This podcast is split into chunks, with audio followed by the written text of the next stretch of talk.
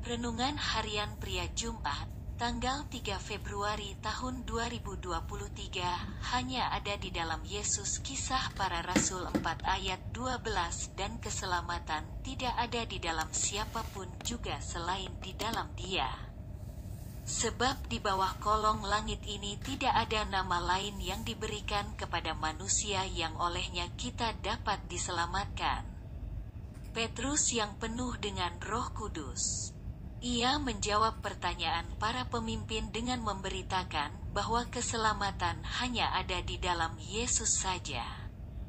Kata keselamatan dalam bahasa aslinya, soteria, yang mempunyai arti keselamatan dalam segala bidang kehidupan.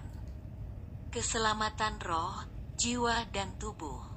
Setiap orang di dunia ini sangat membutuhkan keselamatan hidupnya, dan mereka mencari dengan usaha mereka untuk mendapatkan keselamatan itu. Dan Petrus menegaskan bahwa keselamatan itu hanya ada di dalam nama Yesus, dan tidak ada di dalam nama siapa pun. Nama Yesus itu mempunyai arti Yahweh, Allah yang menyelamatkan. Puji Tuhan, Anda dan saya sudah percaya kepada Yesus, dan sudah diberikan keselamatan itu. Keselamatan yang Yesus berikan bukan hanya keselamatan dari murka atau hukuman Allah saja dan bukan hanya dibebaskan dari neraka saja, tetapi keselamatan itu juga bagi kehidupan kita sekarang ini. Yesus memberikan keselamatan yang komplit, baik secara roh, jiwa, maupun tubuh. Marilah kita alami keselamatan yang Yesus sudah berikan kepada kita setiap hari. Dan marilah kita senantiasa bersyukur kepada Yesus, semakin mengasihinya dan setia melayaninya.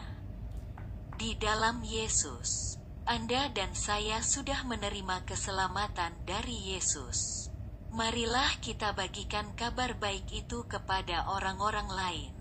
Refleksi diri, apa yang firman Tuhan katakan kepada Anda?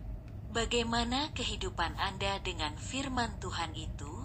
Catat komitmen Anda terhadap firman Tuhan itu. Doakan komitmen Anda itu, pengakuan iman. Di dalam Yesus saya sudah menerima keselamatan bagi hidup saya dan saya alami setiap hari.